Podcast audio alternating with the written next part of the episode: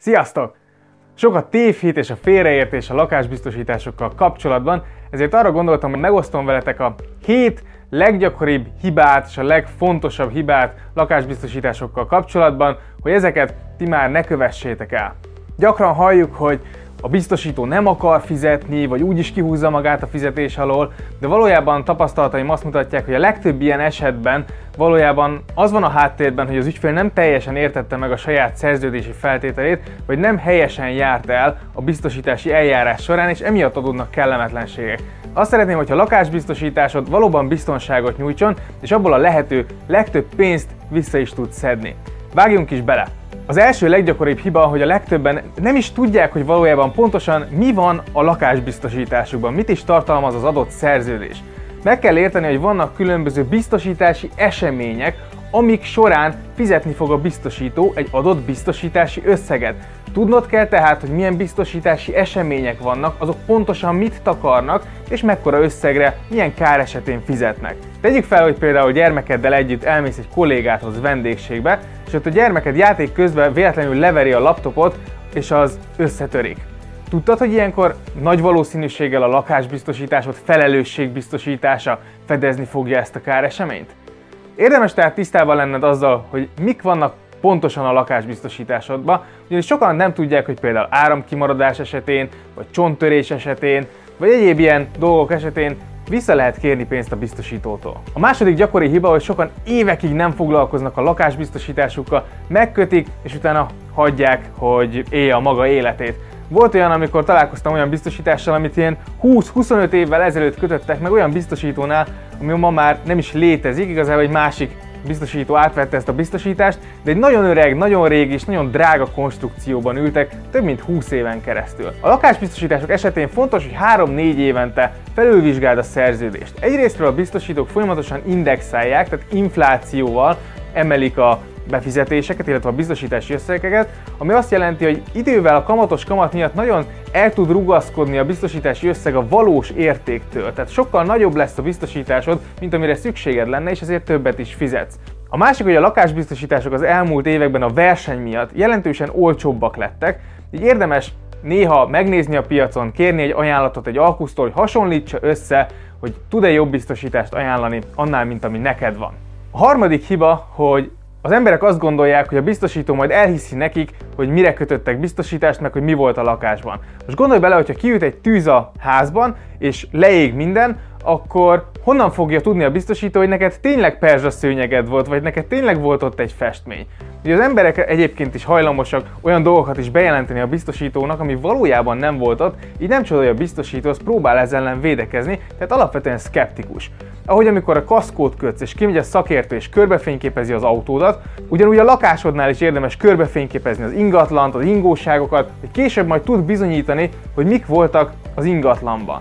Ugye a lakásbiztosítás nagyon könnyen megkötheted online, alkuszon keresztül, és senki nem jön ki, hogy lefényképezze, hogy mi is van valójában az ingatlanban, éppen ezért ezt neked kell megtenni. Ezeket a fényképeket, ezeket online tárold, és a biztosítási kötvényről is legyen online egy másolat, hogyha minden elveszne, akkor ez megmaradjon neked, és tudd ezzel bizonyítani. Tipikus hiba lakásbiztosítás kötésnél, hogy valaki duplán biztosítja az ingatlanját. Nem direkt vagy figyelmetlenségből, hanem nem, nem tudja, hogy a társasház és alapvetően köt egy biztosítást, és ilyenkor a lakásbiztosításban már nem kell belefoglalni magát az ingatlant, elég csak az ingóságot. Tehát, hogyha a társasházadnak van biztosítása, már pedig szinte minden társasház köt egyébként biztosítást, akkor neked a lakásodra valójában csak az ingóságokra kell kötnöd biztosítást, tehát az olyan dolgokra, amik mozgathatók, magukra a falakra nem.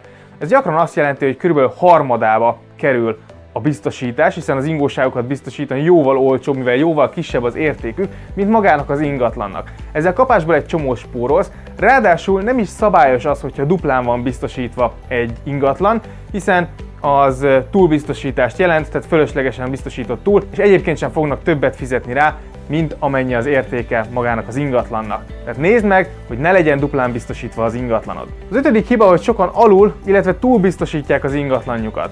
Mit jelent az, hogy alul biztosítod? Hogyha a biztosítási ajánlat bekérésekor te olyan négyzetmétert adsz meg, vagy olyan ingatlan árat adsz meg, ami nem felel a valóságnak, akkor alacsonyabb lesz ugyan a díjad, viszont a biztosító nem fogja kifizetni neked a teljes összeget, hiszen te nem fizettél elég biztosítási díjat a te biztosított értékeidhez képest. Ha például a lakásod ér 20 millió forintot, de te csak 10 millió forintra kötsz biztosítást, akkor ez azt jelenti, hogy a fele díjat fizetted, tehát hogyha bármi probléma történik, akkor a biztosító is hivatkozhat arra, hogy csak a felét fogja kifizetni. A túlbiztosítás leggyakrabban akkor jön képbe, amikor sokáig nem foglalkozik valaki a biztosításával, vagy leesik mondjuk egy ingatlannak az ára, tehát a biztosítási díj irreálisan magas a biztosított ingatlanhoz viszonyítva. Ezzel az a probléma, hogy fölöslegesen fizetsz igazából több pénzt, mert kár esetén nem fognak többet kifizetni, mint amennyit ért az adott ingatlan vagy az adott ingóság. Tehát figyelj arra, hogy ne legyen se alul, se túl biztosítva az ingatlanod, se az ingóságod, akkora érték szerepeljen a szerződésbe, ami megfelel a valóságnak. Tipikus hiba, amiből nagyon sok bosszúság szokott származni, hogy valaki rosszul jelenti be a kárt. De mit is jelent ez? Egyrésztről, hogyha káresemény történik, akkor 48 órán belül köteles vagy bejelenteni ezt a biztosítónak. Tehát az, hogyha egy hét múlva neked eszedbe jut, hogy ú, be kéne jelenteni, akkor a biztosító bizony mondhatja azt, hogy letelt a 48 órád, és nem fizet semmit sem.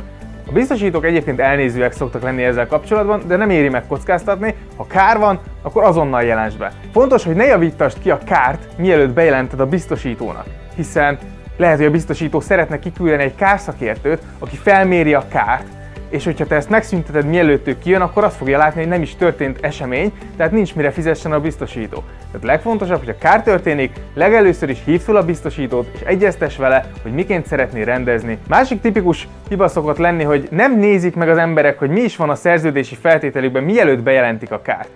Volt egyszer egy ilyen eset, hallottam egy ilyenről, hogy valakinek az volt a szerződésében, hogy a 100 ezer forint érték alatti ingóságokra vonatkozik a szerződés. Majd egyszer ellopták a bicikliét, és bejelentette, hogy 130 ezer forintot ért ez a bicikli.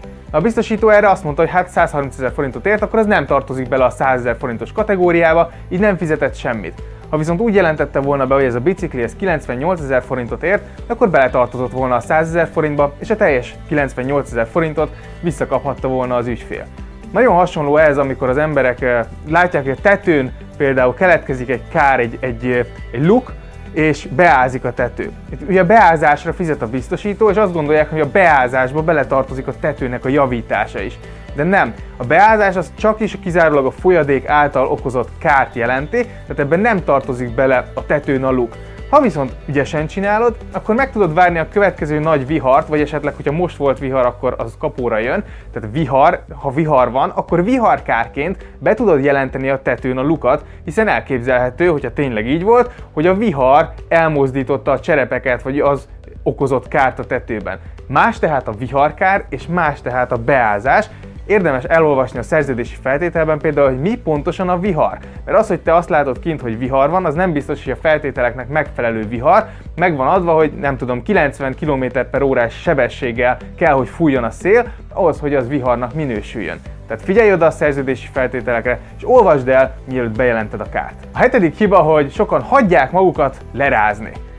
Nézd, a biztosító az egy pénzintézet, abból él, hogy, hogy pénzt szed be és megpróbál minél kevesebbet kifizetni, megvannak a megfelelő rendszereik, módszereik arra, hogy a, a könnyen lerázható ügyfeleket azokat gyorsan lerázzák. Te bejelentesz egy kárt, ők erre azt mondják, hogy ez ér X összeget, és a legtöbben itt igazából meg is állnak, nem is, nem is mennek tovább. De hogyha te tudod, hogy ez a kár ez többet ért, vagy hogyha nem akar fizetni a biztosító, pedig benne van a szerződési feltételeidben, akkor legyél kitartó, menj tovább, Kérd az ügyintézőnek a főnökét, tegyél panaszt, fenyegesd meg őket, hogy tovább mész a pénzügyi békéltető testülethez, de ne hagyd magad könnyen lerázni, hiszen pont erre játszik a biztosító, hogy az emberek 70%-a az első akadálynál föladja, és azt mondja, hogy jó, akkor inkább nem fizetem ki, és úgy ezzel igazából a károknak a 70%-át le is tudták nagyon könnyen. Tehát ne hagyd magad lerázni, állj a sarkadra, bizonyítsd be, hogy igazad van, és hogyha igazad van, a biztosító köteles, hogy fizessen a szerződési feltételek szerint. Az utolsó tippem pedig az lenne, hogy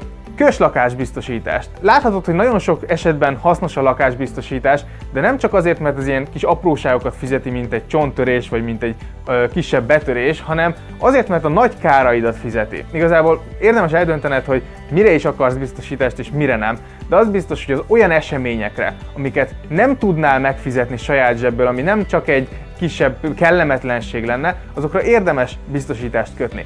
Persze a biztosításnak díja van, és ez a biztosítási díj ez kidobott pénznek tűnhet, egészen addig, amíg nem történik valami óriási baj. Mert lehet, hogy nagyon kicsi az esélye annak, hogy leég a házad, de hogyha ez bekövetkezik, akkor azt gondolj bele, hogy milyen hatással van az életedre. Ha nincs biztosításod, akkor gyakorlatilag egy szempillantás alatt mindened oda tud lenni. Érdemes legalább a nagyobb horderejű dolgokra biztosítást kötni, és ha szeretnéd, akkor ezt kipótolhatod a különböző apróságokkal, mint mondjuk kisállatbiztosítással, különleges üvegekkel, készpénzbiztosítással, festményekkel. Tehát, hogyha ilyen dolgokat is szeretnél, akkor nézd meg, hogy árérték arányba ez megérje neked, de alapvetően magára az ingatlanra és a nagyobb káresetekre mindenképpen kös biztosítást. Vedd elő a régi lakásbiztosításodat, porold le, és nézd meg, hogy mik vannak benne, illetve, hogyha egy lépéssel ezt tovább szeretnéd vinni, akkor kérj ajánlatot egy alkusz cégtől, érdemes olyan alkusz céghez fordulni talán, aki nem jelenleg nem kezeli a biztosításodat, hiszen neki érdeke lesz,